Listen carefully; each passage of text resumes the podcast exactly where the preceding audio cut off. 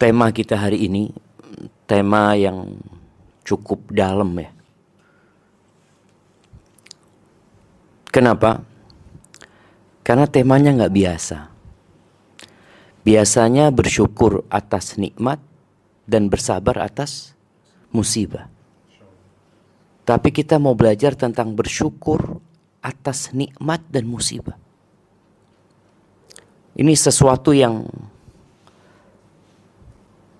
berat bagi orang untuk mencapainya.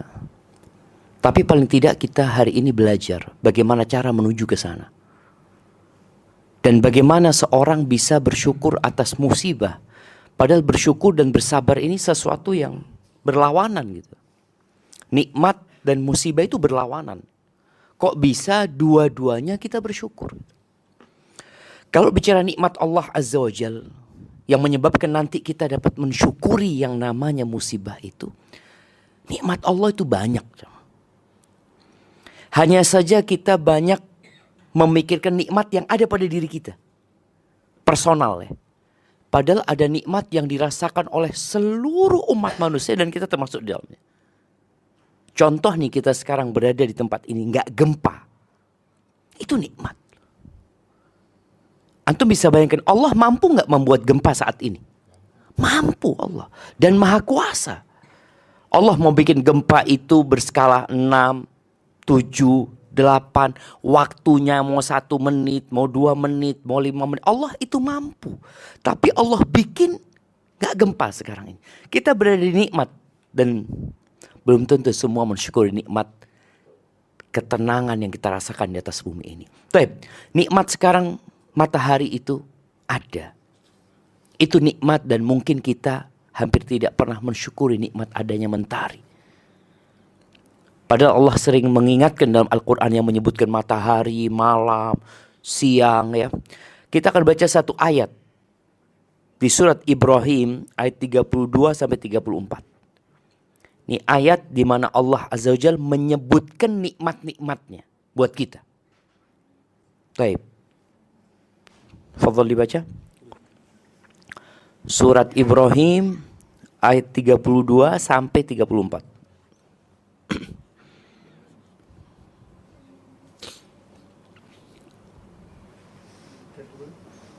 Nah, 32, 33, 34. Tafadhal. Yang paling bawah.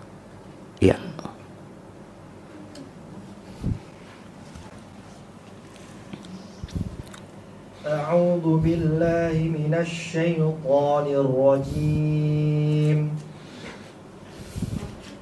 الله الذي خلق السماوات والأرض وأنزل من السماء ماء وأنزل من السماء ماء فأخرج به من الثمرات رزقا لكم وسخر لكم الفلك لتجري في البحر بأمره وسخر لكم الأنهار وسخر لكم الشمس والقمر دائبين وسخر لكم الليل والنهار وآتاكم من كل ما سألتموه. وإن تعدوا نعمة الله لا تحصوها. إن الإنسان لظلوم كفار. Artinya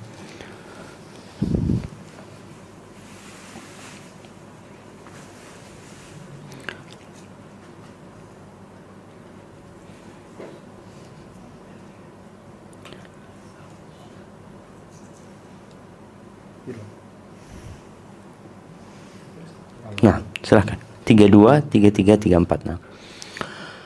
Allah lah yang telah menciptakan langit dan bumi dan menurunkan air hujan dari langit.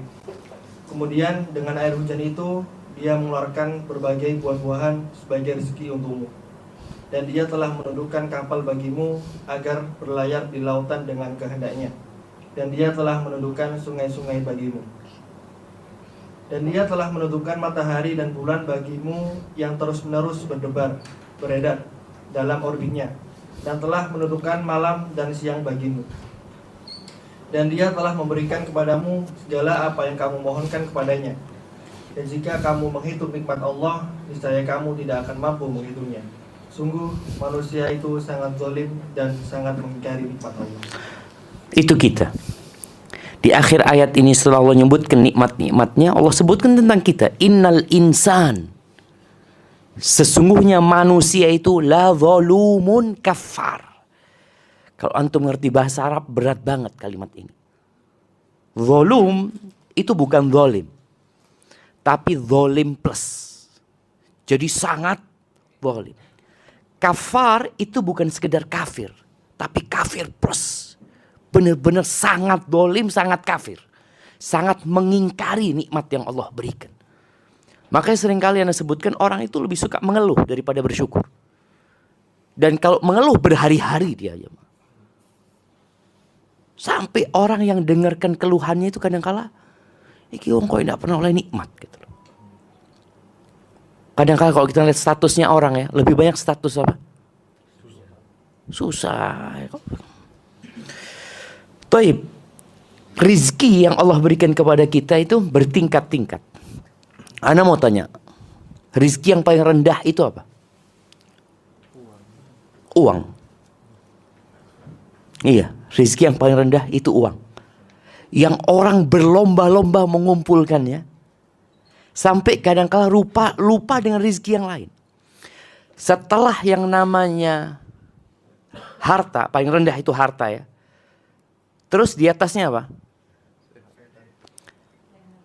Sehat. Betul.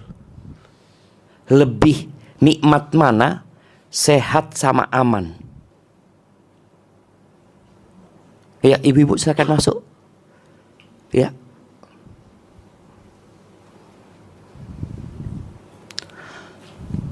Nah, lebih nikmat mana sehat sama aman? Anak kasih contoh ya. Kalau ada seorang kambing yang patah kakinya, dikasih makan ya. Kira-kira bisa nggak dia makan dalam kondisi masih sakit? Bisa. Baik, kalau ada kambing yang sehat diikat di sebelahnya kambing itu diikat seekor serigala. Diikat serigala ini diikat. Di depannya kambing. Kira-kira kambing itu bisa makan nggak? Nggak bisa makan. Padahal sehat dia. Ini para ulama mencontohkan ya tentang nikmat aman itu lebih besar daripada nikmat sehat sebenarnya. Tapi kita ini hampir nggak pernah mensyukuri nikmat aman ini. Kecuali kalau ada huru hara ya. Ada perampok, ini itu. Wah kita ber, ya Allah selama ini kita aman ya ini dan itu. Makanya nikmat yang paling rendah itu adalah harta. Kemudian di, di atasnya lagi, ya tadi kesehatan. Di atasnya lagi, aman. Itu nikmat yang lebih tinggi rasa aman ini. Tapi kemudian kalau bicara keamanan ya, ada nikmat yang lebih tinggi dari itu. Para menyebutkan nikmatul iman. Bukan aman, tapi nikmat iman. Di mana nanti berakhir dengan nikmat keridhaan Allah kepada kita. Itu puncak dari nikmat. Kenapa Anda sebutkan ini? Bentar lagi kita akan bahas tentang masalah musibah tadi. Yang ternyata musibah itu dipandang dari sisi lain nikmat sebenarnya musibah ini mengantarkan antum kepada nikmat yang paling besar. Bicara nikmat iman ini di surat Al-Hujurat ayat 7 dan 8. Surat Al-Hujurat ayat 7 dan 8. Coba kita baca.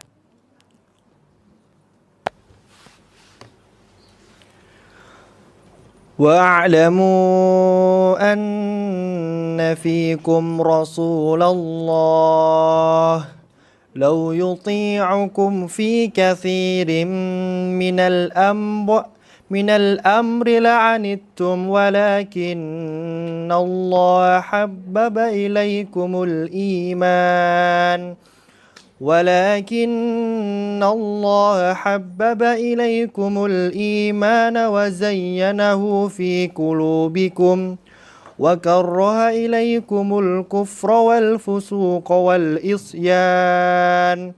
أولئك هم الراشدون.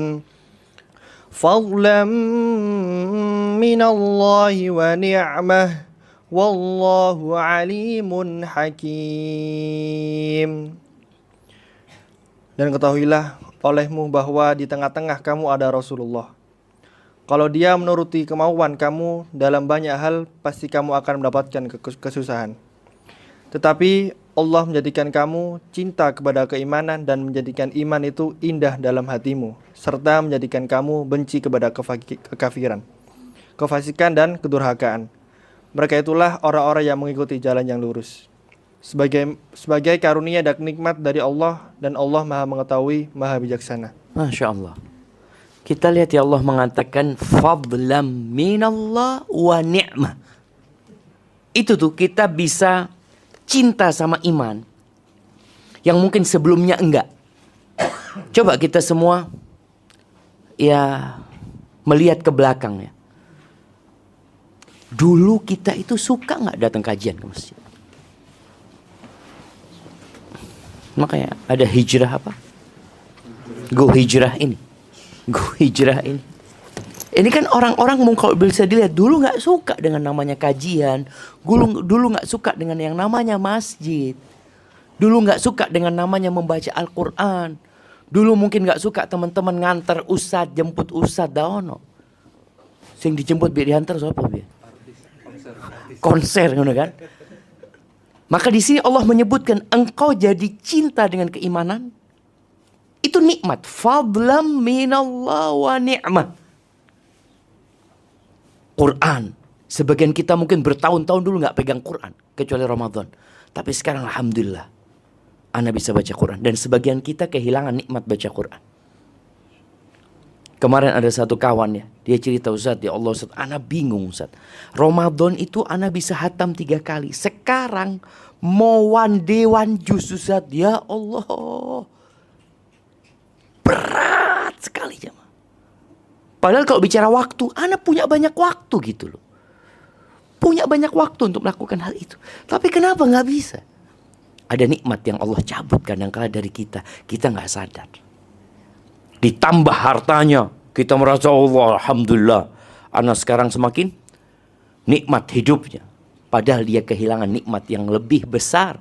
Puncak dari nikmat yaitu keimanan yang kok dibandingkan dengan aman, dibandingkan dengan sehat, dibandingkan dengan harta semua nggak ada apa-apa. Maka tolong kita melihat nikmat itu dengan kacamata yang lebih luas lagi cuman. Sehingga tidak hanya melihat kepada harta. Taib. Al-Imam Ibnul Qayyim rahimahullahu taala beliau menyebutkan bahwasanya musibah, ini kita bicara musibah, kalau bicara nikmat disyukurin, tadi dengan banyaknya nikmat yang Allah berikan. Sekarang kita masuk kepada musibah, bersyukur atas musibah. Beliau mengatakan al-musibah allati tahullu bil abdi. Musibah yang menimpa hamba itu walaysa lahu hilatun fi daf'iha dan dia tidak punya kemampuan untuk menolak bala tersebut. Kan ada bala yang kita nggak bisa tolak, sudah ya apa? Ada seorang perempuan yang diceraikan sama istri. Padahal dia nggak ingin Masya Allah. Sama suami sama istri. Diceraikan sama suami ya. Padahal si dia masih ingin tetap sama suaminya. Tapi suaminya nggak mau. Selamat tinggal sudah. Ingat kisah Ummu Zara ya. Ummu Zara yang Aisyah cerita radhiyallahu anha kepada Nabi SAW tentang sebelas laki-laki Laki-laki yang pertama seperti ini, kedua, ketiga, keempat, sampai yang ke sebelas. Abu Zara. Ummu Zara ini cinta sama Abu Zara. Tapi subhanallah suatu hari, Abu Zara melihat seorang janda punya anak dua. Dinikahin janda ini, di, diceraikan istrinya. Tapi Ummu Zara subhanallah dia tidak pernah lupa dengan kebaikannya Abu Zara. Sampai ketika Ummu Zara nikah lagi. Dia dapat musibah dia. Ketika dia nikah lagi dengan seorang laki-laki yang baik hati. Masya Allah suami yang kedua ini baik sekali. Tapi kata Ummu Zara, semua kebaikan suamiku yang kedua dibandingkan dengan wadah airnya suamiku yang pertama nggak ada apa-apa. Padahal dia diceraikan sama suaminya. Gitu. Kenapa? Karena dia melihat kepada nikmat gitu loh.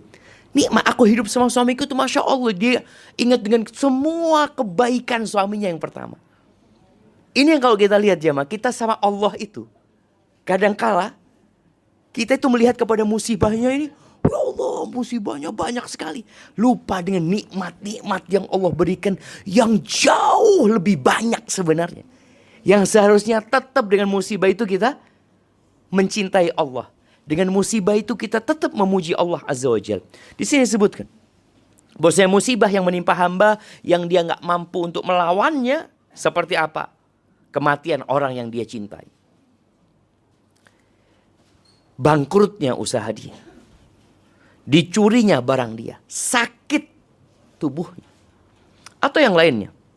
Fa inna lil abdi fiha arba maqamat. Ada empat makom hamba dalam musibah ini. Makom yang pertama, makomul ajiz. Kedudukan orang yang lemah atau orang yang bodoh. Apa kedudukan yang pertama ini? Makomul jaza wa syakwa wa sakhat dia marah sama Allah. Dia mengeluarkan kata-kata yang tidak pantas. Dan ini tidak dilakukan kecuali oleh orang yang akalnya sedikit, agamanya sedikit, dan akhlaknya nggak ada. Ketika dikasih musibah, tahu-tahu marah-marah sama Allah. Yang ada mengadu, mengeluh, merintih ke mana-mana. Makom yang kedua, makom sabar. Sabar. Sabarnya orang itu dua kita lihat tuh. Ada yang sabar lillah. Ada yang sabar karena pandangan manusia. Atau karena muruah ya. Karena kepribadian dia dilihat orang atau gimana. Karena kita melihat ada orang non muslim sabar. Kita ngelihat. Masya Allah sabar ya Wong Kio. Padahal nggak beriman dia. Ya karena dia jaga jaga apa? Image dia seperti itu. Itu yang kedua dan ini wajib. Jadi sabar itu wajib. Makom yang ketiga kata beliau, makomur ridho. Makom keridhaan. Ridho. Nerimo. Kalau sabar itu nahan diri ya. Perbedaan sabar sama ridho, orang yang sabar itu nahan diri dia tahu aku aku nggak boleh berbuat ini, aku nggak boleh kayak gini. Jadi dia belum nerima. Tapi dia sabar nahan dirinya. Yang ketiga ini makom ridho. Dan ini lebih tinggi daripada sabar makomnya. Apakah wajib orang ridho? Ada khilaf di antara para ulama. Yang disepakati para ulama makom sabar. Sabar itu menahan diri dari mengucapkan sesuatu yang dimurkain Allah. Sesuatu yang bertentangan dengan akal manusia. Atau berbuat sesuatu yang tercela. Seperti orang kalau kena musibah tahu-tahu teriak-teriak Dulu ada uh, emak-emak zaman dulu itu kalau terkena musibah dirobek-robek bajunya, dipukul-pukul pipinya ya, menangis, meratapin, itu tidak sabar dia. Tapi orang sabar nahan diri, dia mau melakukan itu. Bahkan ada orang yang kena musibah kepingin bunuh diri ya, ada. Dia ingin, masya Allah, anak punya bibi, rahimahullah, dia cerita. Dia pernah kena satu musibah, capek dia. Dia cerita, Syafiq, Halewo waktu itu sudah berdiri di atas jembatan. Dia cerita. Jembatan di bawahnya itu bukan sungai. Tapi rel kereta api. Sudah lihat-lihat banyak orang lewat waktu itu kata dia. Ibu mau ngapain ibu? Mau ngapain ibu? Kata dia. Kata dia Allah ya. Terus Allah sabarkan pulang dia ke rumahnya. Artinya menahan diri dari musibah yang menimpa itu berat. Itu sabar.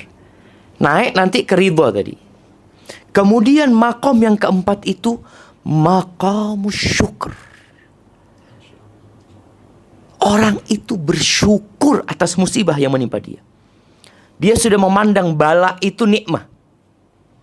Dia sudah melihat itu. Fayashkurul mubtali alaiha. Dia sabar, ridho, dan kemudian bersyukur jemaah. Atas bala yang Allah berikan kepada dia. Itu perkataan Ibnu Qayyim. Dan Al-Imam Al-Qasimi rahimahullah ta'ala berusaha menguraikan ucapan ini. Memberikan penjelasan yang lebih detail lagi plus cara kita memandang bala itu nikmat sehingga kita bersyukur.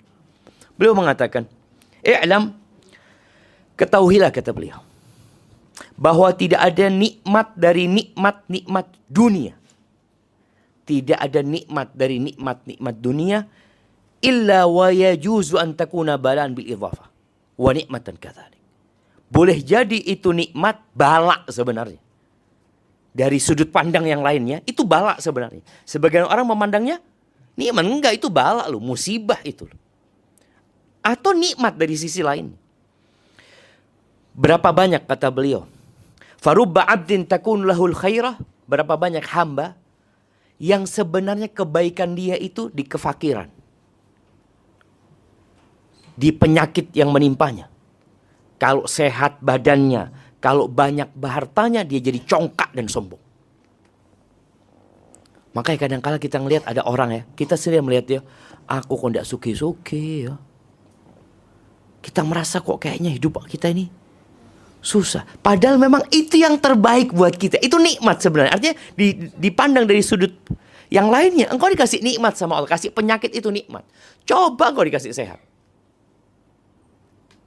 Engkau mungkin nggak kayak gini. Jadi ada orang yang berusaha ya, bahkan ada orang yang sampai mati sakit. Kita kadang-kadang lihat orang yang kena stroke ya, orang yang kena uh, kanker, yang sebenarnya orang kena kanker ini kayak katanya nunggu mati. Wis, sudah iso di obati. Ya sebenarnya yang namanya kemo itu cuma memper memperlambat kematian. Padahal kita sing sehat pun nunggu mati. Sama gitu, jangan dipikir, ya Allah iki ingin tadi mati. Gitu.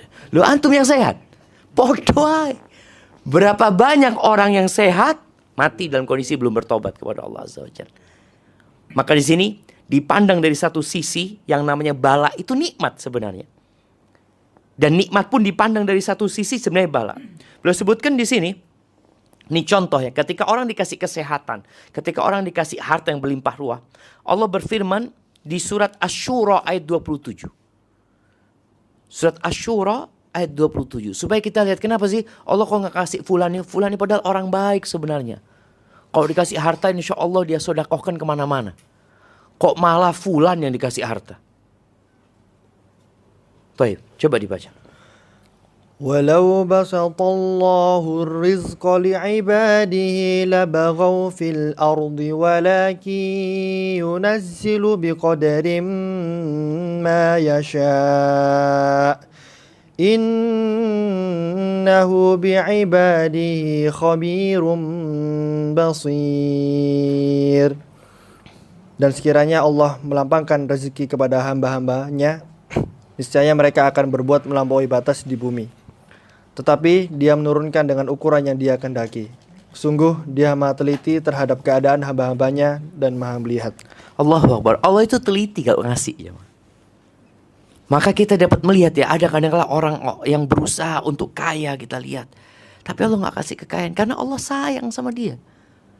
Kalau dikasih harta berubah dia. Jadi ada orang yang berubah jamaah ketika dikasih kaya, ada orang yang berubah ketika dikasih miskin. Ini orang ketika kaya baik ya. Datang kajian ya Allah ya. Anda jadi ingat kejadian covid ya. Ada salah satu ikhwan kita. Sukses dia di Jakarta. Jakarta apa Bekasi. Sukses Masya Allah.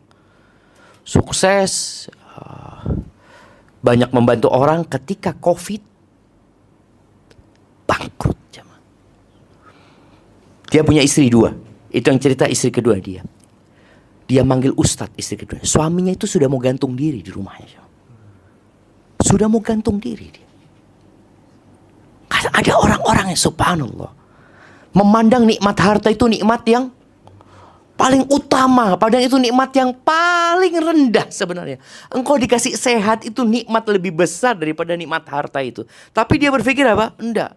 Karena dia nggak biasa hidup susah gitu. Dia berpikir aku hidupnya harus kayak enggak. Maka Allah sebutkan Allah maha teliti loh. Kenapa fulan yang dikasih, kenapa fulan nggak dikasih. Dan di surat Al-Alaq ya, ayat 6 dan 7. Nih, surat yang di juz amma yang sering dibaca. Surat Al-Alaq ayat 6 dan 7. Tafadhal. Kalla innal insana layatgha ar-ra'ahu istaghna Sekali-kali tidak, sungguh manusia itu benar-benar melampaui batas apabila melihat dirinya serba cukup. Itu. Kita lihat ya, manusia kok kasih serba cukup. Mungkin dia nggak berdoa buat hari esok jemaah. Antum mau minta rezeki, oh anak rezeki banyak. Cukup insya Allah buat tujuh turunan.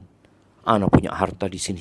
Jadi melampaui batasnya, membuat kerusakan kemudian dia jemaah. Maka terkadang tadi orang dibikin susah hidupnya dalam rangka agar kembali kepada Allah Azza wa Jalla. Itu bicara nikmat harta ya. Begitu pula kata beliau zauja, istri. Itu boleh jadi nikmat dan boleh jadi bala di satu sisi. Walad, anak. Orang kan kepingin minta anak, minta anak, dikasih anak. Oh udah tahu dikasih anak. Loh. Sampai kemarin ada seorang ibu yang berlepas diri dari anaknya. Boleh nggak Ustaz? Anak tidak nganggap anak lagi. Sebagian orang berdoa minta anak. Yang ini kepingin anak eh kalau bisa dimasukkan lagi dia masukkan lagi. Dari dia melihat ini bala ini anak. Jadi semuanya bisa seperti itu. Ada seorang yang belum menikah, kepingin menikah ya anak ya Allah, pengen Bismillah. Siap, oh siap insya Allah nikah dia. Ternyata setelah menikah berantakan hidupnya. Iya. Yang dulunya dia bisa datang kajian nggak pernah datang. Kajian lagi. Sampai akhirnya dia dapat melakukan perbuatan yang dibenci Allah. Mencuri, merampok karena istrinya. Yang dia pikir istrinya ini akan membantu dia dalam urusan akhirat ternyata enggak menekan dia. Dan ini banyak terjadi dengan kita. Maka ketika orang berpikir menikah apalagi yang mau nikah lagi ini siapa yang menikah lagi ini? Enggak tangan. Dia mungkin berpikir nikmat ya. Dia berpikir nikmat oh masya Allah ternyata azab buat dia. Ibu-ibu rame Jadi seperti itu. Ada pula seorang wanita yang dia gugat cerai sama suaminya. Dia pikir ndak wis, aku teori dewe. Kayaknya senang anak lebih baik jadi janda daripada hidup sama suami seperti ini. Subhanallah, dia bercerai, hidupnya lebih berantakan. Jadi yang namanya nikmat dipandang dari satu sisi boleh jadi bala dan begitu pula musibah dipandang dari sisi lain eh, boleh jadi nikmat engkau dikasih nikmat sama Allah. Makanya sampai ada seorang alim ulama ya yang ketika dikunjungin sama sohibnya. Istrinya nih ya Allah kalau ngomong kasar. Siapa bapak-bapak yang istrinya kasar kalau ngomong? Angkat tangan.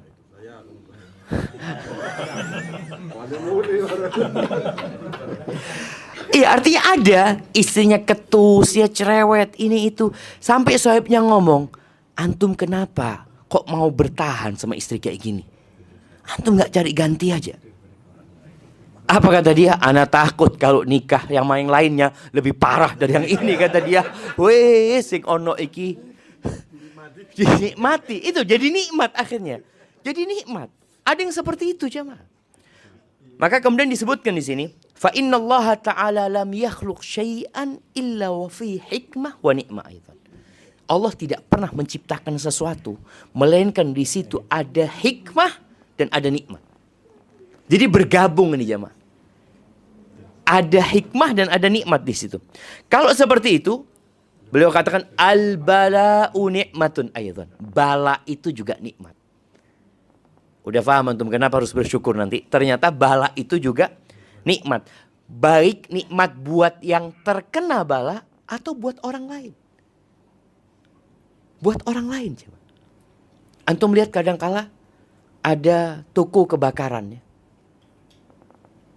Kira-kira toko kebakaran itu nikmat buat yang kena musibah, boleh jadi nikmat dari sisi lainnya dan nikmat buat tonggo-tonggonya yang tidak kerja.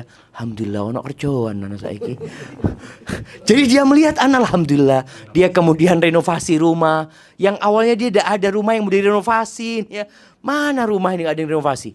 Tahu-tahu Allah kasih nikmat sama dia lewat lewat musibah orang lain. Maka dikatakan masa ibu kaumin inda kaumin fawaid. Musibah buat satu kaum itu ada faedah buat kaum yang lain. Jadi benar-benar memandang nggak ada yang sia-sia dalam ciptaan Allah Azza wa. Kemudian disebutkan faidan kullu halatin la tusafu bi annaha bala mutlak. Nggak ada sesuatu yang disifat ini bala, ini benar-benar bala. Nggak ada musik, nggak ada nikmatnya seakan enggak, enggak seperti itu. Jadi ini bala, tapi dilihat dari sudut pandang lain nikmat. Seperti seperti itu pula nikmat. Boleh jadi ini nikmat buat kita, boleh jadi dalam nikmat ini ada bala sebenarnya. Sampai ada seorang jamaah yang subhanallah. Dia mengatakan dia punya banyak proyek. Dia cerita sama Ana Ustaz, proyek Ana nggak boleh lebih dari tiga. Dia bangun gedung-gedung tinggi. Nggak boleh lebih dari tiga. Kalau sudah lebih dari tiga, banyak yang dikorbankan. Anak dan istri. Jadi dia tahu nikmat ini jadi balak gitu loh. Kalau ada orang, ya Allah proyek nih. Kalau orang melihat, oh Allah fulus ini. Katanya enggak, jazakallah khair. Anda masih ada tiga, belum selesai. Tapi ada orang yang ambisi dipikir, oh Masya Allah ini. Istrinya jarang ketemu. Anak-anaknya jarang ketemu. Kajian online wis. online. Ayo teko. Aduh wis. Iki proyeknya turun mari. Jadi dia tahu ini jadi balak buat aku. Kalau aku terima jadi balak buat aku. Tapi sebagian kita nggak memandang seperti itu. Oh rizki jamaah. Ojo nolak. Rezeki gitu loh. Loh rizki tadi. Rizki itu banyak gitu loh. Rasa aman kumpul sama keluarga itu juga rizki dari Allah Azza wa Jal. Maka nikmat itu tidak disifatin mu, nikmat secara mutlak. Dan begitu pula balak. Jadi kalau dipandang dari satu sudut bisa jadi itu nikmat, dari sudut lain bisa jadi bala. Fayajtami'u fiha 'alal abdi wadhifatan. Maka di sini dalam setiap yang diberikan kepada hamba itu ada dua kewajiban hamba, yaitu sabar dan syukur bersama-sama. Artinya dalam nikmat ada sabar dan syukur. Dalam nikmat nih. Kemudian dalam bala ada sabar dan syukur. Contohnya tadi orang yang dikasih harta berlebih sama Allah, kalau dia nggak sabar, bagaimana? Akhirnya tadi dia dengan hartanya itu melakukan kemaksiatan. Kakek duit itu. Sampai mau dimanakan uangnya. Itu harus sabar dia dapat ya Allah sabar ini. Kalau nggak dia jadi berbuat maksiat. Nauzubillah min dzalik. Kemudian bagaimana caranya berkumpul sabar dan syukur? Kata beliau, sabar itu kan dalam kesusahan, syukur itu dalam kegembiraan. Gimana kok bisa berkumpul? Kata beliau, fa'lam anna syai'al wahid. Sesuatu yang satu, barang yang satu ini boleh jadi menyusahkan dari satu sudut pandang dan boleh jadi menyenangkan dari wujud dari sudut pandang lain. Maka dia bersabar kalau melihat dari sisi kesusahannya dan bersyukur kalau melihat dari sisi kegembiraan yang ada dalam hal tersebut. Nah, sekarang kita akan bicara tentang tadi musibah yang menimpa kita bagaimana kita mensyukurinya. Semua kefakiran, semua penyakit, semua rasa takut, semua bala di dunia dalam urusan dunia, bukan dalam urusan agama kita bicara.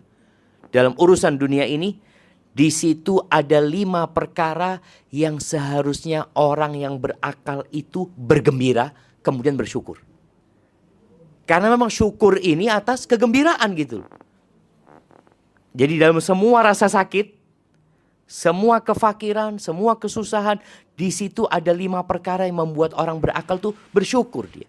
Artinya mencapai makom syukur tadi kan. Makom yang pertama, jaza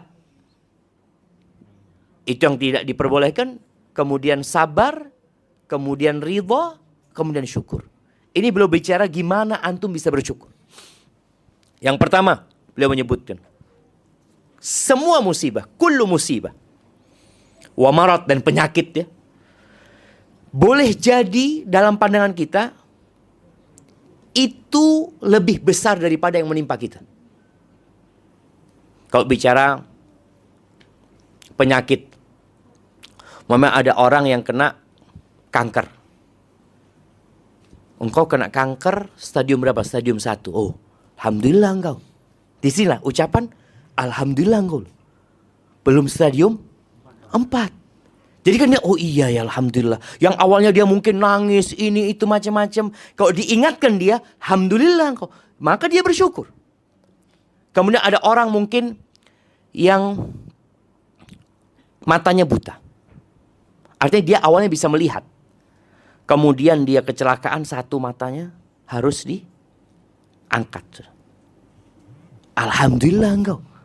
Alhamdulillah apa? Aku dia iso ndelok kau ini. Alhamdulillah kan bisa satu untuk melihat. Allah bisa ambil dua-duanya loh. Allah bisa ambil dua-duanya. Dia mikir, iya ya. Apa sekarang yang menghalangi Allah untuk mengambil dua-duanya? Kan karena kesian sama antum. Allah kasih nikmat sama antum gitu loh. Jadi dalam semua musibah jemaah. Umpamanya musibah di anak ya. Anak mungkin uh, pulang tabrakan atau ada seorang anak yang meninggal dunia. Ada seorang ustadz Hafizahullah ya. Punya anak masih kecil jamaah. Main sama ibunya, ibu yang nyuci baju kan ngisi bak air ya. Tahu-tahu anaknya nyemplung di sana dan meninggal dunia. Jamaah. Ya apa perasaannya jamaah. Ibu melihat anaknya di situ. Udah meninggal. Karena biasanya anak kecil kan kalau kepreset itu dia seakan-akan dalam banget ya. Ya memang sudah takdir Allah Azza wa Di sini tatkala dia alhamdulillah satu yang meninggal. Allah bisa bikin semuanya mati kalau Allah mau. Jadi selalu kita berbaik sangka sama Allah yang akan membuat kita bersyukur. Allah jadikan musibahnya cuma sampai sini. Sampai sini musibah. Allah bisa tambah sebenarnya musibahnya. Allah bisa lipat gandakan tapi enggak. Maka dia bersyukur karena musibahnya tidak lebih besar dari apa yang dia rasakan sekarang. Itu yang pertama.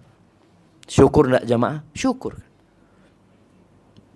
Yang kedua, dia bersyukur kepada Allah karena musibahnya dalam, bukan dalam urusan agama.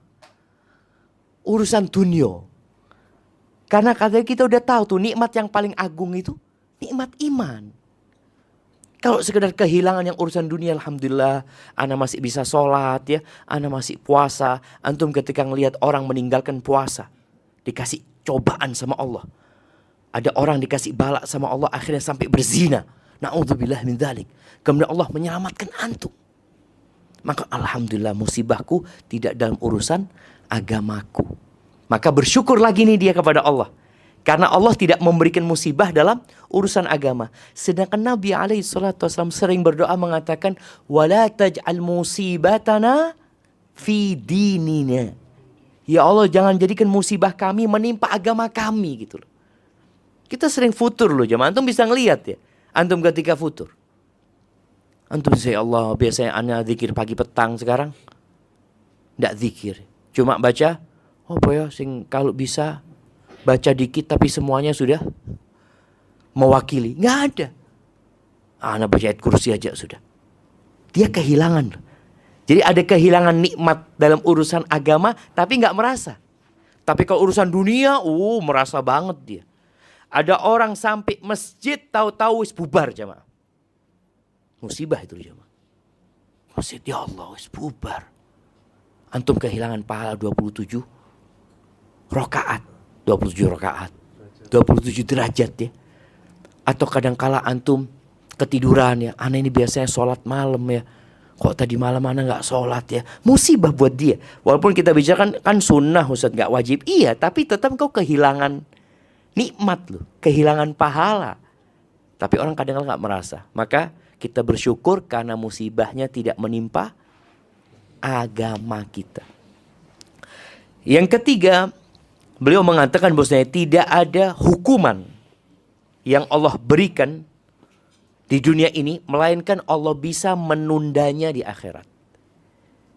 Kan kita tahu kata Nabi SAW, ma yusibul mu'min, tidak ada musibah yang menimpa orang beriman, min nasabin wala wasabin wala saqamin hatta hamma yahammu hatta syakwa. Tidaklah seorang beriman yang terkena penyakit, capek, lelah, rasa gundah, ya galau hidupnya, kekhawatiran, kecemasan, sampai duri yang mengena dirinya, melainkan itu penghapusan buat dosa-dosanya. Itu penghapusan buat dosa-dosa dia. Ini musibah menghapuskan dosa. Allah bisa loh jamaah menunda musibah ini, menunda hukuman ini di akhirat. Maka kita bersyukur Alhamdulillah ya Allah berikan di dunia. Kenapa? Disebutkan di sini. Musibah dunia itu nggak lama. Dan musibah-musibah dunia ini boleh jadi dengan sebab-sebab lain kita jadi santai menghadapinya. Jadi ada nikmat lain gitu loh. Sehingga kita menghadap musibah, oh Alhamdulillah lah anak kehilangan motor. Tapi Alhamdulillah Allah kasih rezeki anak. Fulus lebih banyak dari itu. Akhirnya musibah ini jadi jadi nggak terasa. Tapi kalau musibah akhirat, selama-lamanya. Artinya kalau hukuman buat antum ini ditunda sampai akhirat, selesai sudah nggak ada yang bisa membuat antum santai di sana. Makanya penghuni neraka itu berteriak-teriak mengatakan agar diringankan. Yauman satu hari aja diringankan. Nggak ada. Sedangkan di dunia kita kena musibah di sesuatu. Tapi yang lainnya masih ada nikmat yang Allah berikan. Maka ketika disegerakan hukuman itu di dunia. Seharusnya dia bersyukur. Alhamdulillah iya ya. Gimana kalau dosa-dosa anak yang banyak itu ditunda di akhirat nanti. Maka Alhamdulillah. Itu yang ketiga. Yang keempat, disebutkan bahwasanya musibah dan bala ini sebenarnya sudah ditulis. 50 ribu tahun sebelum penciptaan langit dan bumi.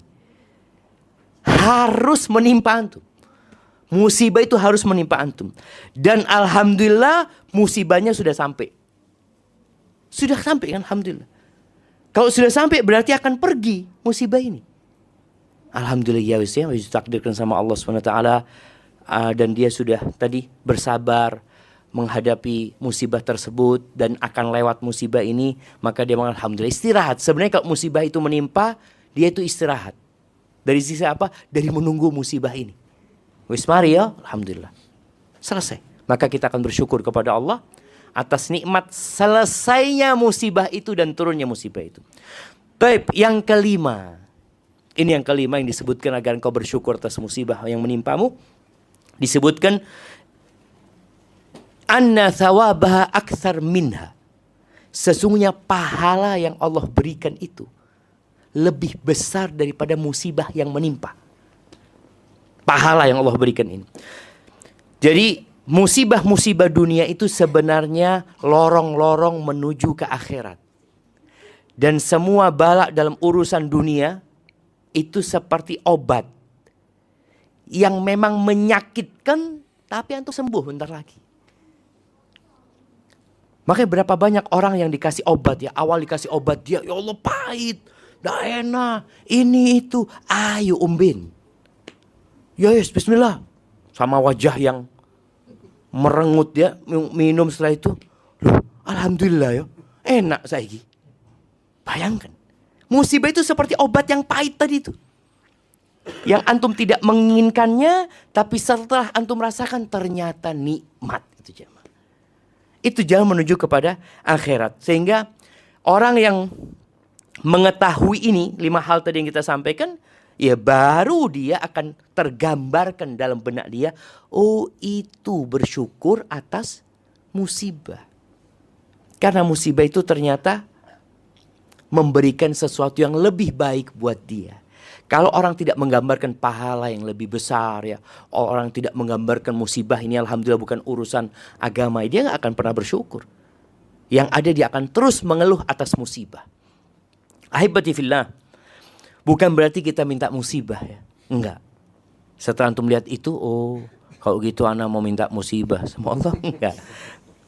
Jangan. Karena doa Nabi SAW beliau minta perlindungan dari balak dunia dan akhirat ya. Allahumma inni as'aluka al-afwa wal afiyah fid dunya wal akhirah. Beliau minta keselamatan itu. Beliau juga uh, dalam doanya mengatakan afiyatuka ahabbu ilayya. Afiyah dari engkau ya Allah. Afiyah itu keselamatan, kesembuhan ya. Dari bala itu lebih aku cintai daripada musibah sebenarnya. Tapi ketika hadir musibah itu ya kita hadapin. Ahibatifillah, sebelum kita masuk ke sesi tanya jawab, syukur manusia dalam syukur itu ada tiga tingkatan. Ini juga disebutkan oleh Ibnul Juzai ya. Dalam tafsirnya, beliau menyebutkan asyukru ala thalathi darajat. Syukur itu tiga derajat. Tiga tingkatan. Tingkatan pertama, darajatul awam. Derajatnya orang-orang awam ini orang yang belum ngaji. Itu derajatnya asyukur ala ni'am. Syukur kalau dikasih nikmat saja. Itu orang awam. Antum yang sudah belajar, naiklah tingkatannya. Yang kedua, disebutkan darajatul khawas. Tingkatan orang-orang khusus. Tingkatan orang-orang spesial. Apa tema kita hari ini? Asyukru ala ni'am wa niqam dia bersyukur atas nikmat dan musibah. Wa ala kulli hal, dalam semua kondisi dia bersyukur kepada Allah Azza wa Jalla. Mau sakit, mau sehat, oh, nikmat Allah itu banyak buat dia. Kemudian yang ketiga, itu disebut darajatul khawasil khawas. Tingkatan khususnya orang yang khusus. Seperti apa?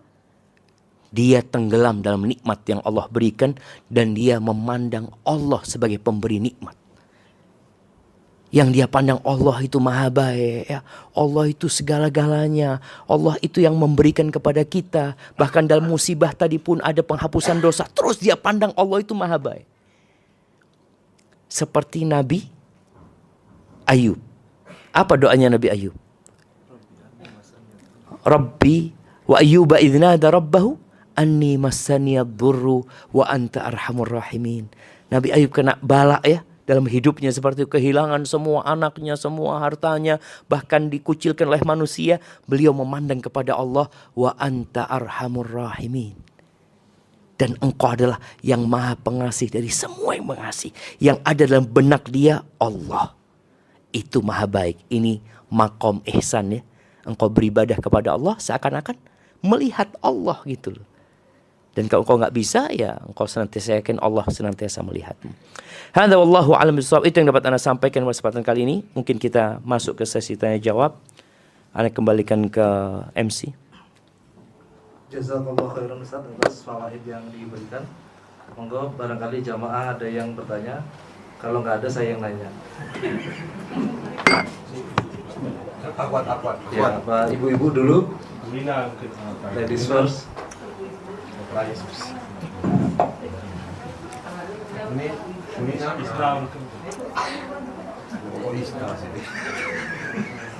nanya apa ini? Bahaya ini. Nah, monggo ibu-ibu. Disiapkan pertanyaannya. Assalamualaikum warahmatullahi wabarakatuh. Waalaikumsalam warahmatullahi wabarakatuh. Naam, tafadhali. Amin. Bismillah, Ustadz Afan ingin bertanya. eh, bagaimana seharusnya sikap kita menjadi seorang muslim yang berpegang teguh terhadap dakwah sunnah Nabi dan salafus saleh. Afan sebenarnya ini eh, relate sama kajiannya, cuma ini keresahan saya dan suami. Masya Allah. Suaminya yang mana ini? Naam, tafadhali. Karena keresahan yang Anda rasakan saat ini, Anda jadi takut untuk posting mengajak kebaikan yang mengusung dakwah Ustadz-Ustadz Sunnah Karena sering dianggap sebagai kelompok-kelompok tertentu dan akhirnya memicu perdebatan Mohon nasihatnya Ustadz, apakah sikap saya ini harus berani menunjukkan agar semakin banyak orang yang paham atas salafiyah ini dan tidak terasa asing dengan berniat kita menyampaikan dari hidayah di tangan Allah atau memang sebaiknya kita ini sembunyi-sembunyi aja tapi tetap beribadah di jalan Allah sesuai dengan ajaran Nabi Muhammad dan saleh. Allahumma salli wa sallim. Masya Allah, barakallahu fiik. Ya, sepertinya keresahan yang ditanyakan itu menimpa semua ya. Hanya saja dari satu keluarga berbeda dengan keluarga lainnya. Dari satu tempat berbeda dengan tempat lainnya. Ada yang daerahnya atau keluarganya alhamdulillah sudah pada ngaji sehingga tidak terlalu berat bagi dia untuk menyampaikan agama Allah. Tapi ada yang mereka malah berada di jalan yang lain gitu ya. Apa sikap kita dalam menghadapi itu semua? Rasulullah sallallahu alaihi wasallam mengatakan, "Inna min waraikum ayyamas sabr." Di belakang kalian itu ada hari-hari yang penuh dengan kesabaran. Lil mutamassiki fini, kalau kita bicara kesabaran tadi ya, ini bisa jadi kita bersyukur juga. Dari satu sudut pandang yang berbeda. Kenapa? Lil mutamassiki fihi bima antum alaihi ajur khamsina minkum buat orang-orang yang berpegang teguh dengan apa yang antum ada di atasnya. Ini bicara sama sahabat ya.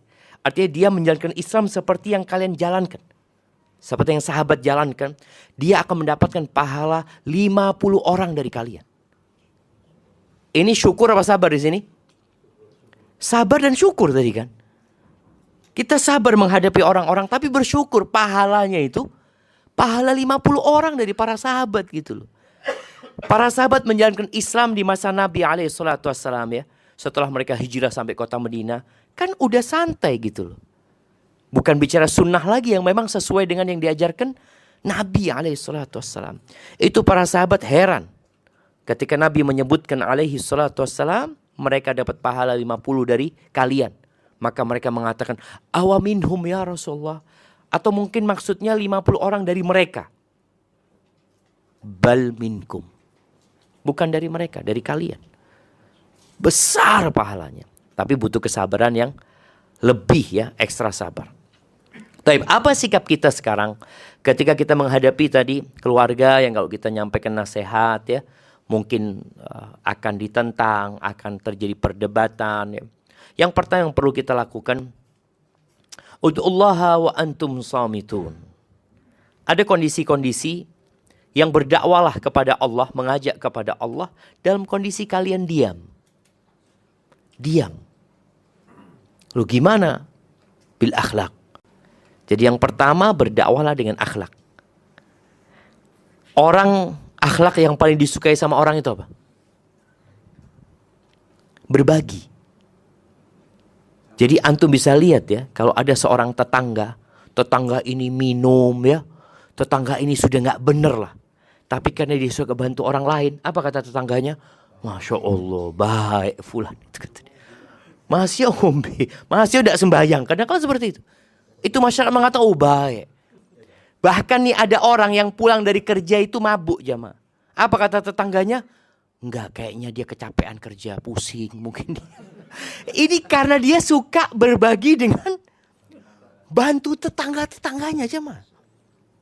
Jadi ini yang kita perlu lakukan sekarang. Tatkala orang itu nggak suka sama kita, umpamanya, kita tunjukkan akhlak yang mulia. Maka akhlak yang paling mulia bukan paling mulia ya. Akhlak yang akhlak yang mulia itu di antaranya adalah tadi berbagi dengan orang-orang. Maka sering-sering berbagi dengan keluarganya. Berbagi dengan keluarga itu sekarang ini sangat mudah jamaah tapi ternyata kita jarang lakukan. Dulu ya sering kita dengar namanya ater-ateran ya. Bikin apa diantar no ini diantar. Sekarang kan sudah mulai jarang itu berkurang dengan tetangga kita kita nggak pernah. Mas Adi terakhir nganteri tetangga apa? Kok ada yang Terakhir nganter sesuatu ke tetangga apa? ayam goreng. Oh ayam goreng. Alhamdulillah tetangganya depan saya. Loh.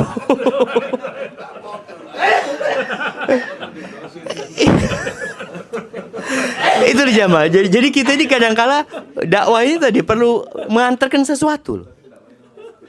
Kalau sekarang ini alhamdulillah dengan adanya online ya, masya Allah, antum tinggal pesankan, kirimkan ke tetangga, kirimkan ke sana, kirimkan ke sana. Anggap sebulan sekali, sebulan sekali. Jadi tetangga itu kalau lihat tanggal 25, oh maring ini ono sing nganteri kayak. Jadi dia itu sudah berharap jamaah. Maka usahakan ini dakwah ini jamaah. Kadang-kadang kita nggak lakukan itu.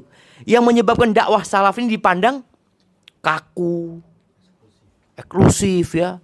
Kalau berbagi cuma ambil koncone ya. Sampai jangan berbagi, salam aja di masjid. Kalau habis sholat di masjid, orang lain yang nggak kenal dari salamani. Oh, iki podo jenggoten. Assalamualaikum. Astagfirullahaladzim. Mereka saudara-saudara kita semuanya gitu. Maka usahakan kita yang pertama berdakwah dengan akhlak yang pertama. Yang kedua, tatkala kita tahu mereka nggak suka dengan apa yang kita sampaikan, atau apa yang kita share di grup, biasanya jamaah kita ini memang men-share sesuatu yang yang sedang rame. Jangan mulai dakwah dengan sesuatu yang tidak ada perselisihan.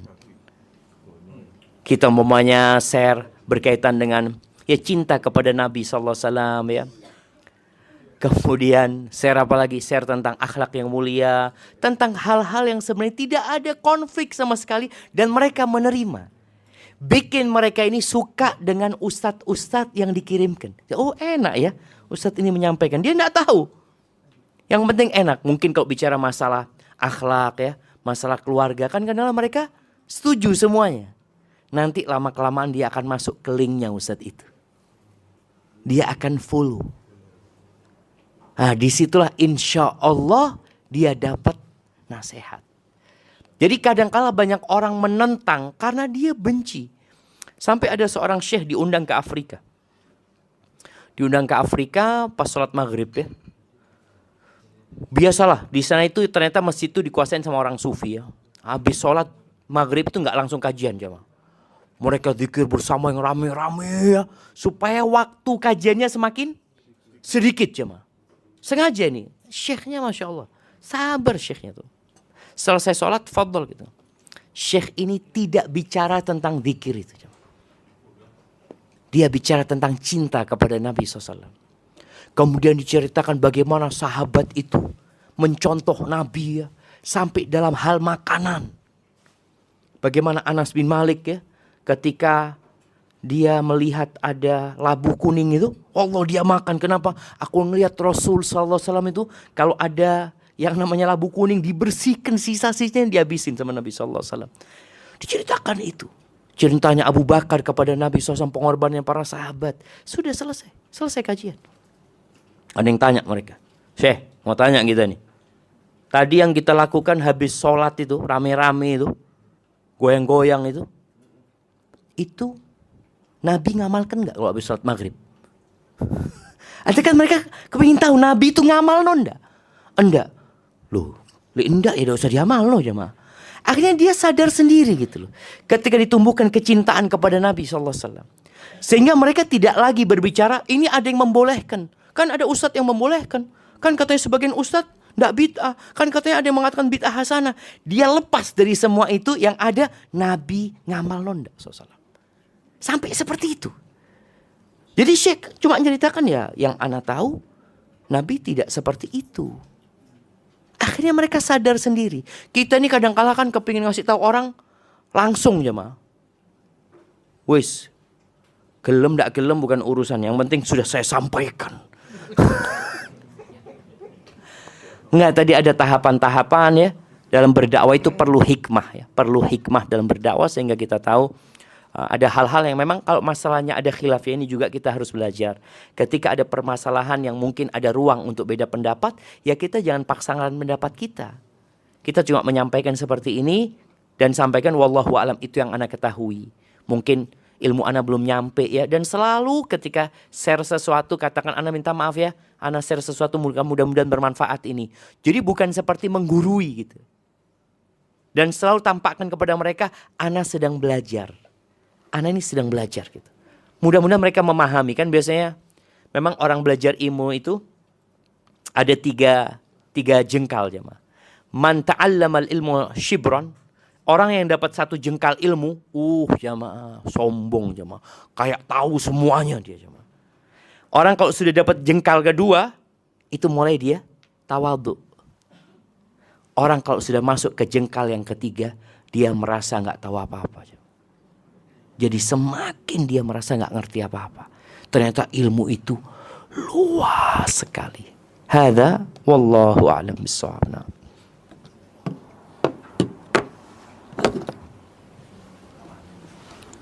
Eh, ibu-ibu barangkali masih ada atau oh ya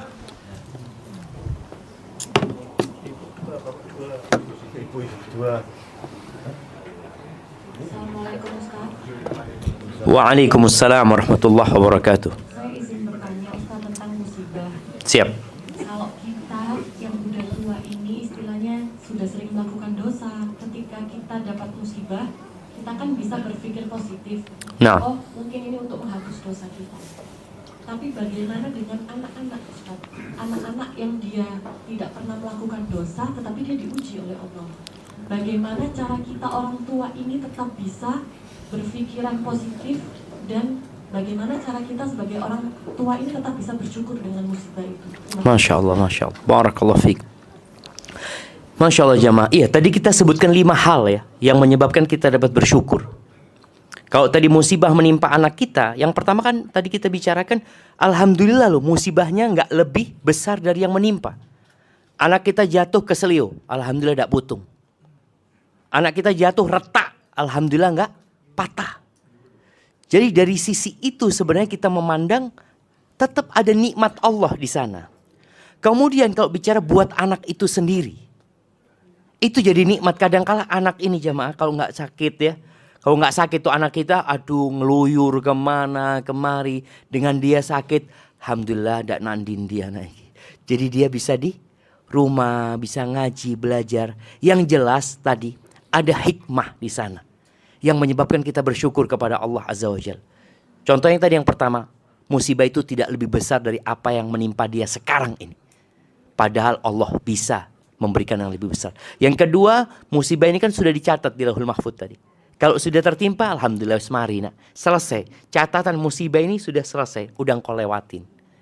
Mungkin seperti itu sehingga kita tetap bersyukur dan boleh jadi juga itu musibah peringatan buat orang tuanya. Anak-anak kecil dapat pahala nggak dari musibah yang menimpa dia jamaah? Padahal dia belum belum dicatat dosanya, belum balik dia. Dapat nggak? Anak kecil sebelum balik kalau puasa dapat pahala nggak? Dapat apa enggak? Jadi anak sebelum balik itu dosanya yang tidak dicatat. Jadi dosanya yang tidak dicatat, pahalanya dicatat. Jadi anak kecil ya, kadang-kala dia mungkin di sekolah ada anak kecil yang dari kecil itu baik sama teman-temannya mah. Sampai uang tua ngeluh. Karena baiknya dia. Kadang-kala kue dibawa sekolah dibagikan teman-temannya semua. Ada yang seperti itu. Kadang-kala punya punya adiknya dibagikan juga. Artinya dia tetap dapat pahala. Anak kecil nih ketika dapat musibah, tetap dia merasakan sakit. Jadi musibah yang menimpa itu tidak selalu menghapuskan dosa. Tidak selalu. Boleh jadi musibah itu datang menimpa untuk mengangkat derajat. Seperti yang menimpa para nabi. Nabi kita sakit SAW, Nabi kita terluka, Nabi kita diusir. Nabi Muhammad SAW yang kita lihat ya. Bagaimana? Apakah itu karena dosa-dosa beliau? Bukan. Jadi musibah itu bukan hanya untuk menghapuskan dosa, tapi untuk mengangkat derajat. Kalau anak itu sudah baik, sudah soleh kena musibah, insya Allah untuk mengangkat derajat. Dan boleh jadi ada anak yang dimatikan ya. Ada seorang ibu telepon Ana coba. Telepon Ana dia ngomong, Ustaz, anak punya anak ini, dia sudah hafal Quran kalau nggak salah ya. Suatu malam dia beli gorengan apa buat teman-temannya. Tabrakan dan meninggal dunia jemaah. Masih muda jemaah. Di sini kita lihat insya Allah ada hikmahnya. Mungkin kalau dia hidup ada hal lain yang membahayakan dia sehingga Allah cabut nyawanya dalam kondisi dia belum banyak dosa yang dia lakukan. Hadza wallahu alam bissawab.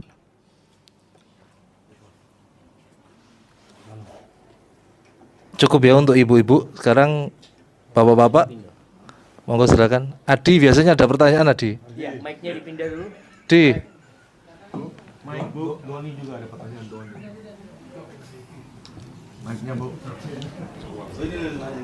Assalamualaikum warahmatullahi wabarakatuh. Eh, kita ini kan sebagai lelaki. Antum laki-laki.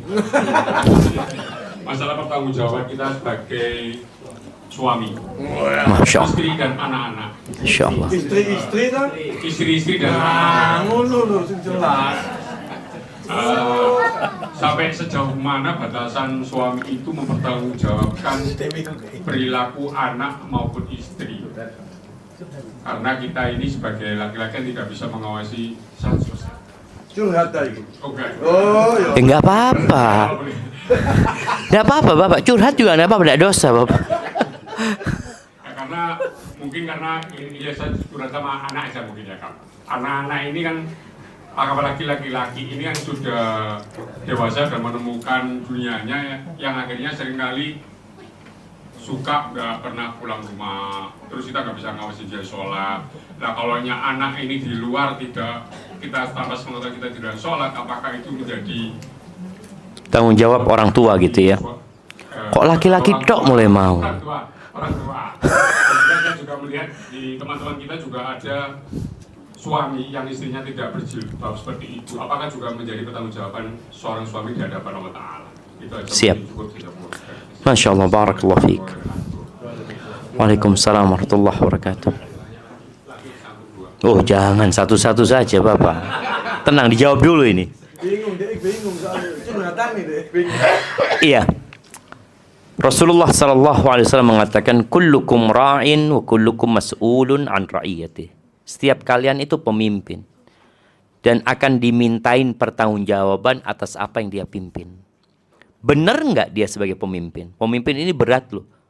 Kalau kita lihat tugas pemimpin itu memberikan arahan ya kepada anak buahnya, kemudian mengawasi, kemudian memperbaiki kesalahan mereka itu tugas pemimpin.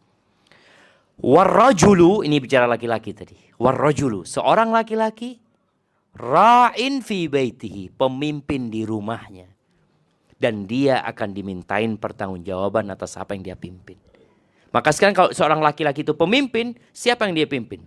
Boleh jadi dia belum punya anak, maka yang dia pimpin istrinya sekarang. Yang dibawa tanggung jawab dia. Apa yang harus dia lakukan? Laksanakan tugasnya sebagai pemimpin. Ngajarin. Antum lihat kadang-kala pemimpin itu rapat ya sama anak buahnya, rapat lagi, evaluasi. Ada banyak yang dia lakukan. Ini sudah dilakukan apa belum dia? Karena sebagian laki-laki yang menjadi suami itu hanya berpikir tugas dia ngasih makan istri. Tugas dia memberikan nafkah kepada istrinya. Tugas dia memenuhi semua kebutuhan rumahnya. Tugas dia membelikan apa yang diinginkan istrinya. Bukan itu saja. Maka tugas dia mendidik istrinya. Dia lakukan tidak? Umpamanya dia punya istri tadi dianggap eh, nggak jilbaban. Atau yang lebih parah, istrinya nggak sholat. Apa yang sudah dia lakukan? Anda sudah kasih nasihat Ustaz. Seperti apa kasih nasihat? Ini pemimpin ngasih nasihat anak buahnya itu ada tahapan-tahapannya. SP 1. Tetap SP 2. Tetap selamat tinggal. Iya, SP 3. SP 3 diberhentikan. Diberhentikan. Ah, suami lakukan itu enggak? Allah Azza wa Jalla mengatakan wallati takhafuna nushuzahunna dan wanita-wanita yang kalian takut nusus mereka, nggak nurutnya mereka, membangkangnya mereka, durhakanya mereka, apa yang kalian lakukan? Fa'idhuhunna. Ini SP1. Kasih nasihat dia, dipanggil. Cari tempat yang indah, duduk sama dia, kasih nasihat dari hati ke hati, sampaikan kecintaanmu kepada dia, sampaikan tentang kehidupan dunia. Ini nasihatlah. Itu istrimu gitu. Ternyata tidak diidahkan. Tidak dikerjakan. SP2. Apa SP2-nya? Pisah ranjang. Allah mengatakan wahjuruhunna fil madaji. Pisah ranjang sama mereka. Ini dilakukan tidak dengan suami. Kalau bicara tanggung jawab ya tanggung jawabnya suami. Wah, anak sudah kasih nasihat loh. Kau sudah kasih nasihat, tapi tahapan ini kau kerjakan apa enggak? Ketika tidak, ya nanti akan dihisap dia sama Allah Azza wa Jalla. Anda sudah kasih nasihat, dia kok cuma ngomong tok. Engkau seharusnya kasih SP2 tadi yang berkaitan dengan wahjuruhunna fil madaji. Yang ketiga SP3 ini Allah katakan wadribuhunna, pukul mereka. Kalau sekarang kan mungkin nggak seperti dahulu ya. Mukul istri itu bukan berantem sama istri. Boleh jadi disentil tangannya. Engkau kok nggak dengar aku gitu loh. Aku itu ingin hidup bersamamu. Padahal ini sudah pisah ranjang ya. Kan ada yang sudah pisah ranjang itu kalau suaminya baik ya. Kalau suaminya nggak baik kata dia Alhamdulillah anak ngeluh ngurusin bucu ini. Jadi pisah ranjang dia bersyukur gitu loh. Tapi kalau istri yang suaminya baik dia bingung ketika suaminya nggak mau mendekati dia. Ini kayaknya suamiku terakhir nanti nyeraikan aku ini. Itu ada dalam benak dia. Itu dilakukan tidak. Jadi proses pendidikan itu harus dijalanin. Yang terakhir ya sudah tadi berpisah nantinya gitu. Ketika tidak mampu. Tapi kalau sang suami enggak Ustaz, anak masih berharap Ustaz. Masih beristilahkan. Artinya enggak ada namanya berhenti rapat, tidak ada berhenti evaluasi, terus dia lakukan seperti itu. Tapi cuma tadi tahapan yang kedua itu banyak laki-laki tidak melakukannya. Dan boleh jadi tadi karena laki-laki itu butuh sama Istrinya iya Ustaz, anak cuma satu istrinya Ustaz. Rasulullah Shallallahu Alaihi Wasallam sembilan istrinya semua ditinggal sama Nabi SAW. Itu dalam proses SP2 kalau anak bahasa anak mungkin ya. Itu ditinggal semuanya. Sembilan. Satu bulan nggak digaulin semuanya. Setelah itu baru didatengin. Engkau mau lanjut sama aku apa tidak? Kalau enggak, fabel, selamat tinggal. Sudah mau dikasih anu, pesangon sama Nabi SAW, selamat tinggal. Kenapa? Karena kita hidup ini menuju kepada Allah Azza wa Jal. Dan di sana ada surga dan neraka gitu loh. Kalau kita nggak mampu mendidik istri kita, ya apa? Dan di sinilah nanti akan berdampak kepada anak-anak sebenarnya. Ketika antum salah pilih ibu, anak-anak yang akan jadi korban. Antum nggak selalu bisa bersama anak. Sedangkan anak itu butuh sentuhan ibunya di awal-awal pendidikan ya. Artinya kalau anak-anak itu diajarin ibunya dengan benar. Tadi bicara sholat ya. Ibunya sholat. Selalu ngajarin anaknya sholat. Insya Allah selesai tugas antum. Karena antum sudah tepat memiliki ibunya. Sampai ada Abul Aswad ad-Du'ali ya. Ketika dia ngomong kepada anak-anaknya. Ahsantu ilaikum. Aku telah berbuat baik kepada kalian. Sigaran wa kibaran. Ketika kalian masih kecil Kemudian setelah kalian besar dan sebelum kalian lahir ke dunia ini. Itu anaknya bingung. Ayah, kalau ketika kita sudah lahir, ya kita merasakan kebaikanmu. Tapi gimana kau berbuat baik kepada kami? Kami masih belum ada. Apa kata dia? Ikhtartu lakum umman la tu'ayyaruna biha. Aku pilihkan buat kalian seorang ibu yang kalian tidak akan dicela karena. Di sini. Ini tanggung jawab suami milihkan ibu buat anak-anaknya. Ketika suami pilih ibu yang gak benar, ditanggung jawab di hadapan Allah. Makanya ketika ada seorang anak yang durhaka sama bapaknya, dipanggil sama Umar. Panggil sama, engkau durhaka sama bapakmu. Kata anak ini, ya Amirul Mukminin. Nih bapakku, nggak pernah dia tidak memiliki ibu yang baik buat aku kata dia. Dia ngasih nama aku juga Jual. Jual itu kumbang yang nganu kotoran tuh mak dan dia tidak mendidikku dengan baik. Ini salahnya bapaknya gitu loh. Sehingga anak itu durhaka, bapaknya ini penyakit. Ini bukan berarti melegalkan anak durhaka ya, tetap dosa anak itu durhaka. Cuma sebagai orang tua, tolong dia tahu diri kenapa anakku seperti ini. Kita punya mahasiswa ngadakan penelitian di panti Jompo di Jember itu. Dia ngadakan penelitian tentang kenapa, apa sebabnya orang tua ini ditinggal sama anaknya. Dan banyak cerita mereka mengatakan, iya saya yang salah Ustadz. Bapak-bapak itu. Saya memang gak ngurusin anak-anak dulu. Saya tinggal anak-anak kerja ya. Ke Bali ada yang cerita seperti itu. Merantau dia kayak ini tuh. Kemudian ada yang mengatakan iya saya dulu pisah sama ibunya. Saya nikah lagi. Kemudian gak ngurusin anak-anak ini tuh. Sekarang anak-anak saya Wajar lah kata bapaknya itu kalau, kalau memperlakukan saya seperti itu. Sampai sadar tuh bapak. Karena ini kesalahan dimulai dari dia tidak menjalankan tugasnya dengan baik dan benar. Maka kalau tadi sang bapak sudah mendidik ya, sudah memiliki ibu yang baik buat anaknya, sudah mendidik anaknya untuk beribadah, sholat.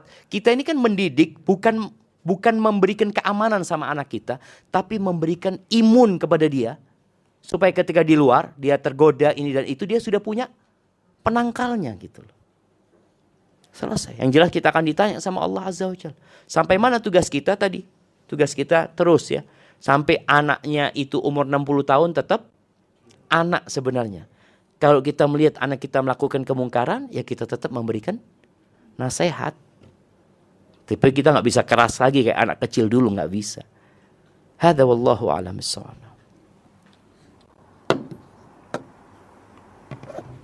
Tinggal 6 menit lagi jemaah.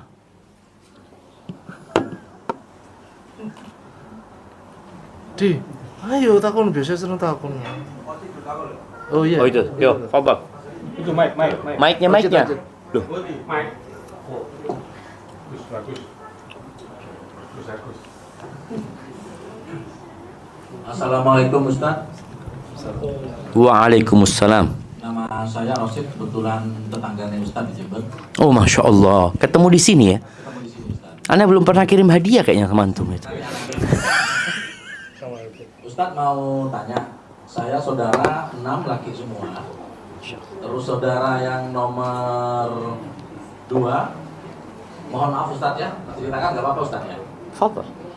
Yang nomor dua ini selalu ngajak ribut ke lima saudaranya Ustaz Terus dia hari raya kita selalu ke rumah kakak Untuk silaturahmi Tapi nanti belum satu tahun sudah ribut lagi Nanti seterusnya seperti itu Nanti belum satu tahun sudah ribut lagi Kalau menurut Ustaz Apakah saya harus ketemu terus Apa harus saya jauhin Ustaz Masya Allah. Ini Masya kakak kandung ini Ustaz Iya, siap. Barakallah. kandung ini bukan cuma dia sendiri yang berdiri seperti itu, sama istri dan anak-anaknya. Kompak. Ya satu keluarga berarti, satu keluarga. Nah, Masya Allah. Terima kasih Ustaz. Assalamualaikum warahmatullahi wabarakatuh. Waalaikumsalam warahmatullahi wabarakatuh. Jemaah, kita sering dengar tentang fadilah silaturahmi ya, atau silaturahim. Fadilahnya diluaskan rizkinya, ya, dipanjangkan umurnya. Insya Allah doanya dimudahkan untuk dikabulkan. Ada banyaklah kebaikan-kebaikan buat orang yang menyambung rahimnya. Taib, yang disebut orang penyambung rahim itu, kata Nabi SAW, Laisal wasil bil mukafi. Orang yang disebut penyambung silaturahim itu bukan yang berbalas-balasan. Dia datang, kita datang. Kita berkunjung, dia berkunjung. Bukan. Kata Nabi SAW, walakinnal wasil. Orang yang disebut penyambung silaturahim itu, alladzi idza quti'at rahimuhu wasalaha. Kalau rahimnya diputus, dia sambung. Dia yang nyambung. Jadi kita itu jangan bicara kakak kita. Udah kakak kita memang seperti itu, memang sifatnya dia. Sikapnya dia. Tadi dikatakan satu keluarga itu itulah. Mungkin Anda nggak bisa memperbaiki mereka, tapi Anda bisa bersikap. Ana, apa yang harus aku lakukan? Maka ketika diputuskan sambung. Diputuskan lagi Ustaz, sambung lagi. Sampai ada seorang sahabat ya. Yang datang kepada Nabi SAW. Ya Rasulullah, innali rahiman. Aku itu punya keluarga ya Rasulullah. Aku berbuat sebaik sama mereka, mereka berbuat buruk kepada aku. Aku menyambung mereka, mereka memutuskan ya Rasulullah. Seperti itu yang dilakukan mereka. Apa kata Nabi SAW? Tinggalkan enggak. Kalau engkau seperti yang kau katakan, maka seakan-akan engkau memberikan bara api kepada mereka. Dengan perbuatanmu ini. Dan tetap akan ada yang menolong dan membantumu. Jadi kita, sikap kita tetap berbuat baik sama mereka. Kemudian silaturahim ini bukan hanya berjumpa. Ini yang jadi masalah kita. Berjumpa setahun sekali. Berjumpa ketika ada acara. Kita sambung rahim kita tiap hari bisa. Bayi pun. Jadi tadi sebelum diputuskan sama kakak kita sudah menjaga tuh. Kirim hadiah buat kakaknya. Perkara ditolak nggak ditolak ya Allah. Sampai ada seorang anak ya. Yang dia diputus rahimnya sama ibunya. Ibunya kadang kala kalau sudah sakit hati Ya dengan masalah-masalah yang sebenarnya nggak salah anaknya, tapi ibunya sakit hati. Itu nggak dibukakan pintu anaknya datang. Terus dia ngomong, Ustaz apa yang harus saya lakukan? Antum datang ke, ke rumah ibu. Nggak dibukakan pintu, antum duduk di depan pintu. Sudah, antum berzikir, baca apa. Kemudian setelah satu jam mamanya, Assalamualaikum, ma, anak pulang dulu Maya. Assalamualaikum, udah pulang. Artinya tetap yang bisa kita lakukan, kita lakukan. Kita ini nggak bisa merubah orang lain. Yang bisa merubah orang lain itu Allah. Tapi kita rubah diri kita sendiri untuk tetap berbuat baik. Kalau tadi kata, oh dia sepakat istri sama anaknya, terus kita berbuat baik sama mereka. Dan alhamdulillah mudah sekarang berbuat baik cuma. Antum bisa tiap hari kirimkan martabak sama dia. Martabak ini, martabak ini, apa yang mereka sukai lah. Insya Allah lama kelamaan mereka akan luluh hatinya. Tapi yang jelas kita laksanakan yang jadi kewajiban kita, yang jadi kewajiban orang lain jangan dibahas. Seharusnya kan, oh jangan. Itu orang lain, antum nggak bisa mengatakan seharusnya. Yang bisa antum lakukan, seharusnya saya melakukan ini. Itu yang dilakukan. Insya Allah kita tenang. Soalnya kalau kita mikirkan sikap orang lain, belum tentu sesuai dengan yang kita harapkan. Sing ono loro ati. Maka sudah selesai loro ati jadi pahala buat kita insya Allah. Barakallahu fiqh. Itu mungkin dapat anda sampaikan. Masya Allah. Allah. Jazakallah khairan Ustaz atas fawaid yang sudah disampaikan sore hari ini. Mudah-mudahan